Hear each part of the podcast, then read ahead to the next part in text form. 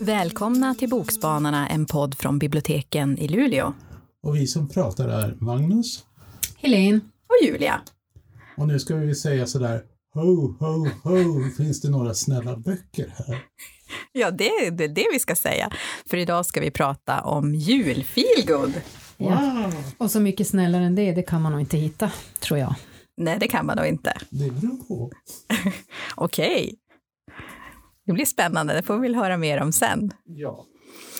Jag tänkte att jag kunde börja tipsa om en bok som heter Julen enligt Julia av Kristin Emilsson.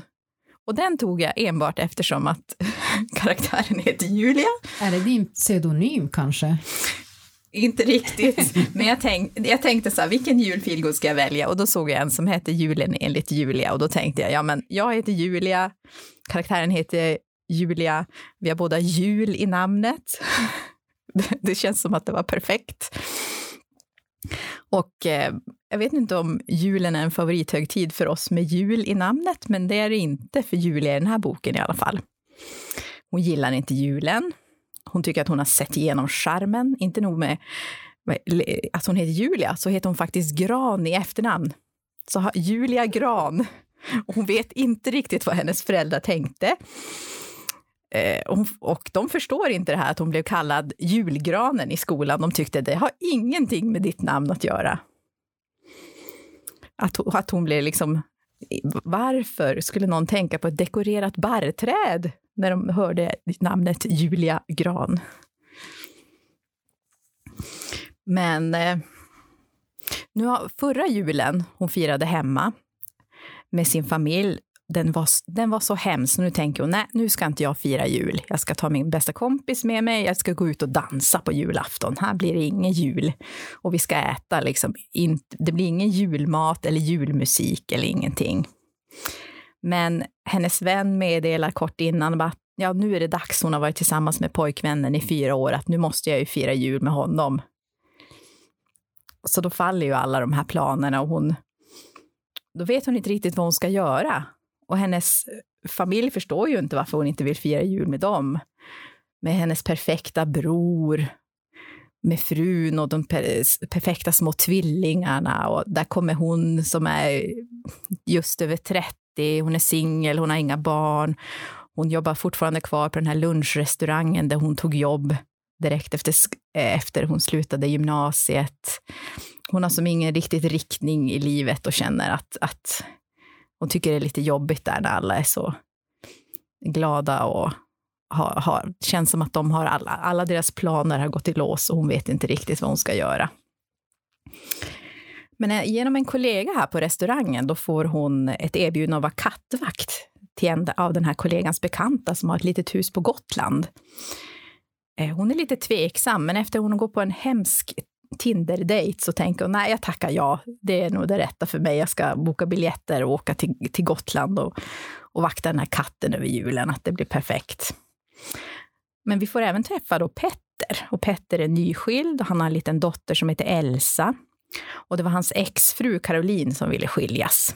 Och nu ser han fram emot att fira jul tillsammans som en familj, för det har de bestämt att göra för dotterns skull. Men hans exfru då, Caroline, meddelar kort innan jul att hon kommer ta med sig Elsa och fira jul hos sina föräldrar på Gotland. Det är ju hennes vecka och då tycker hon då kan hon åka hem och fira jul. Och då, bjuder han, då bjuder han som in sig själv och han säger Äh, att kan inte jag få komma och vara med på julafton? Och då säger hon okej okay, om han hittar någon annanstans att bo, för det är fullt hemma hos hennes föräldrar. Och då, allting är ju fullbokat, men som ett under genom en kollega så får han höra om att en av hennes bekanta behöver en kattvakt över jul i Visby. Och även om han inte gillar katter tänker jag, ja men det här är perfekt. Så då meddelar han att han gör det. Så nu förstår vi ju alla att det här kommer att bli ett spännande, spännande möte i Visby när de här två personerna dyker upp på samma ställe och ska vara kattvakt. Och då visar det sig att paret, paret här har vars bokat varsin kattvakt då, utan att prata med varandra.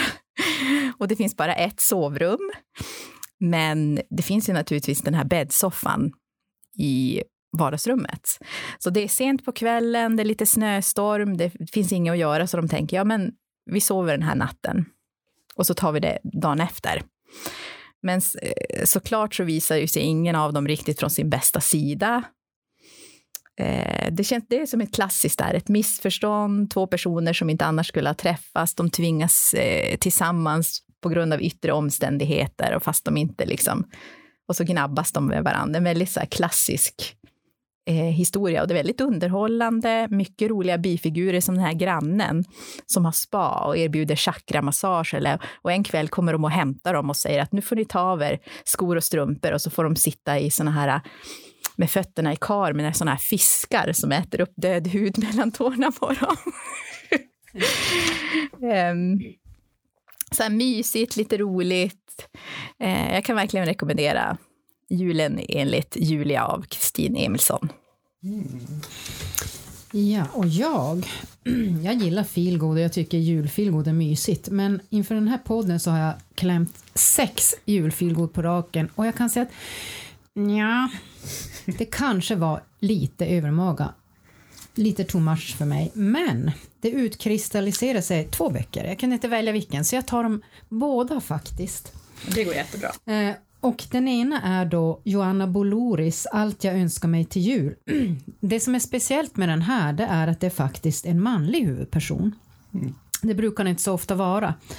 Och han heter Nick och han är utbildad advokat men har fått kicken från sitt jobb och jobbar nu som tomte i ett köpcentrum. Och barnen ska få komma då, ni vet, sätta sig i knät och önska sig något. Och som hjälp har han någon nisse som är ganska sur och grinig. Men då dyker det upp en söt liten pojke som heter Alfie och när han sätter sig i Nicks knä så säger han Allt jag önskar mig till jul är att mamma ska bli glad igen. Mm. Och det här kan ju som inte Nick släppa. Så han tänker, få se nu, vem är mamman? Jo, det är Sara som jobbar i kaféet i det här köpcentrat. Och då tänker han att jag ger hennes telefonnummer till Mark. Och Mark är hans bästa vän som han delar lägenhet med för Mark har fast jobb och en rekorderlig kille. Så han får Saras telefonnummer. Och för att hjälpa till dem på traven så sitter han barnvakt åt Elfie så att de ska kunna gå på dejt. Men vad det lider så börjar han ångra att han gav telefonnumret till Mark. Det låter ju, mm, det låter, det är en bra början på det där. Och sen läste jag en annan bok och det det var en kvinnlig huvudroll, men hon har också fått sparken. Och hon jobbade som... Hon så, jobbade, du kallar det för fint. ja, eller hur. Hon jobbade på ett bokförlag och var, hade framtiden för sig, men saker och ting hände som man får reda på sen. Så hon fick kicken och hennes pojkvän gjorde slut. Och det här hände sig vid juletid för ett år sedan. Och efter det så har Alice i princip eh, stängt in sig i sin andrahandslägenhet som är i, på Mariabergen i, på Söder i Stockholm. Det är väldigt fina Stockholmsbeskrivningar här tycker jag. Alice hon går inte ut så mycket, hon skyller mycket på pandemin som härjar, mm. ni vet vilken. Eh, och beställer hem mat och behöver egentligen inte gå ut så mycket. Men hon inser att hon måste ha pengar för att hon till slut börjar kassan sina även om hon inte gör så mycket. Så hon eh, jobbar som och hjälper författare med deras manus. Och en dag så ringer eh, Samuel Engman som är en väldigt känd deckarförfattare. Han har gett ut en bok som blev jättepoppis. Och nu har han fått för sig att han ska skriva feelgood. För det tycker han, äh, det är väl inte så himla svårt. Så i den här boken så får man liksom två berättelser i en, för man får följa hans manus också, vad som händer där. Och sen så dyker det upp en katt på Alice balkong Confucius som har en väldigt speciell ägarinna. Och så kommer Poppy, en liten flicka, och letar efter den här katten och de försöker att få ut Alice i sitt skal, kan man väl säga. Och ska hon komma ur sin isolering? Mm. Då får man läsa Camilla Davidssons En storm i juletid. Mm. Jag kanske behöver läsa någon mer julfilm. ja, du har ju inte läst så många så kör! Men jag vet inte det här med feelgood. Är det så bra idé egentligen? Jag menar, smittskyddsläkaren säger att man kan fira jul med åtta personer utan problem. Och jag undrar, hur hittar man åtta personer utan problem? så jag har läst en julfilvärld istället, eller kanske en, mer en jul oh my gosh. För det är en sån här bok, antingen så skrattar man tills man sväljer löständerna eller så tycker man att den är fullkomligt fånig. Och det som jag läst då, det är Stupidest Angel, A Heartwarming Tale of Christmas Terror av Christopher Moore. Och det är precis vad den handlar om. Världens dummaste ängel. Han heter eh, Raisel. Och eh, tydligen är det så i USA att varje liksom, jul så ska en ängel stiga ner till jorden och uppfylla ett eh, barns högsta önskan. Och det här året är det Raisel. Och sist han var tvungen att göra det här, det var när Jesus föddes. Och han hade ett jätteproblem att hitta alla eh, herdarna liksom för att berätta det här. Det tog flera dagar. Så han föredrar egentligen att förstöra städer. Det är sånt som änglar annars ägnar sig åt. Det är mycket enklare. Man liksom materialiserar sig framför eh, stadsporten, knackar på dörren och sen wow! Och om det blir fel så finns det alltid en annan stad någon annanstans. Och eh, eh, Razel då kommer till en ort som heter Pine Tree Cove. Och det här är lite speciellt för den ligger i Kalifornien. Så det är kanske inte direkt så mycket äkta snö där utan liksom mer fejksnö. Plus att det är vad de kallar för en Tudor Village. Och Tudor det är ju brittiskt 1500-tal med något som man kan beskriva korsvirkeshus. Och de går helt liksom in för det här med jul. De har kransar, de har liksom julgranar, de stjäl julgranar till och med och det ska jag återkomma till. Därför är det ganska viktigt i handlingen. Och de har till och med en sån här singelkväll, alltså en julaftonskväll för de som är ensamma. Och det verkar vara som att alla i den här byn är ensamma eller har varit tillsammans med varandra och har gjort slut eller liksom är kanske på väg att bli tillsammans med någon eller vill. Så de dyker ju upp på den här äh, festen. Men den är inte så enkel att arrangera för de kan inte komma överens om de ska grilla eller om de ska bjuda på lasagne. Svårt val. Svårt val. Och mitt i den här julförberedelsen så dyker ängeln upp och börjar fråga efter ett barn, för han måste ju få tag i ett barn.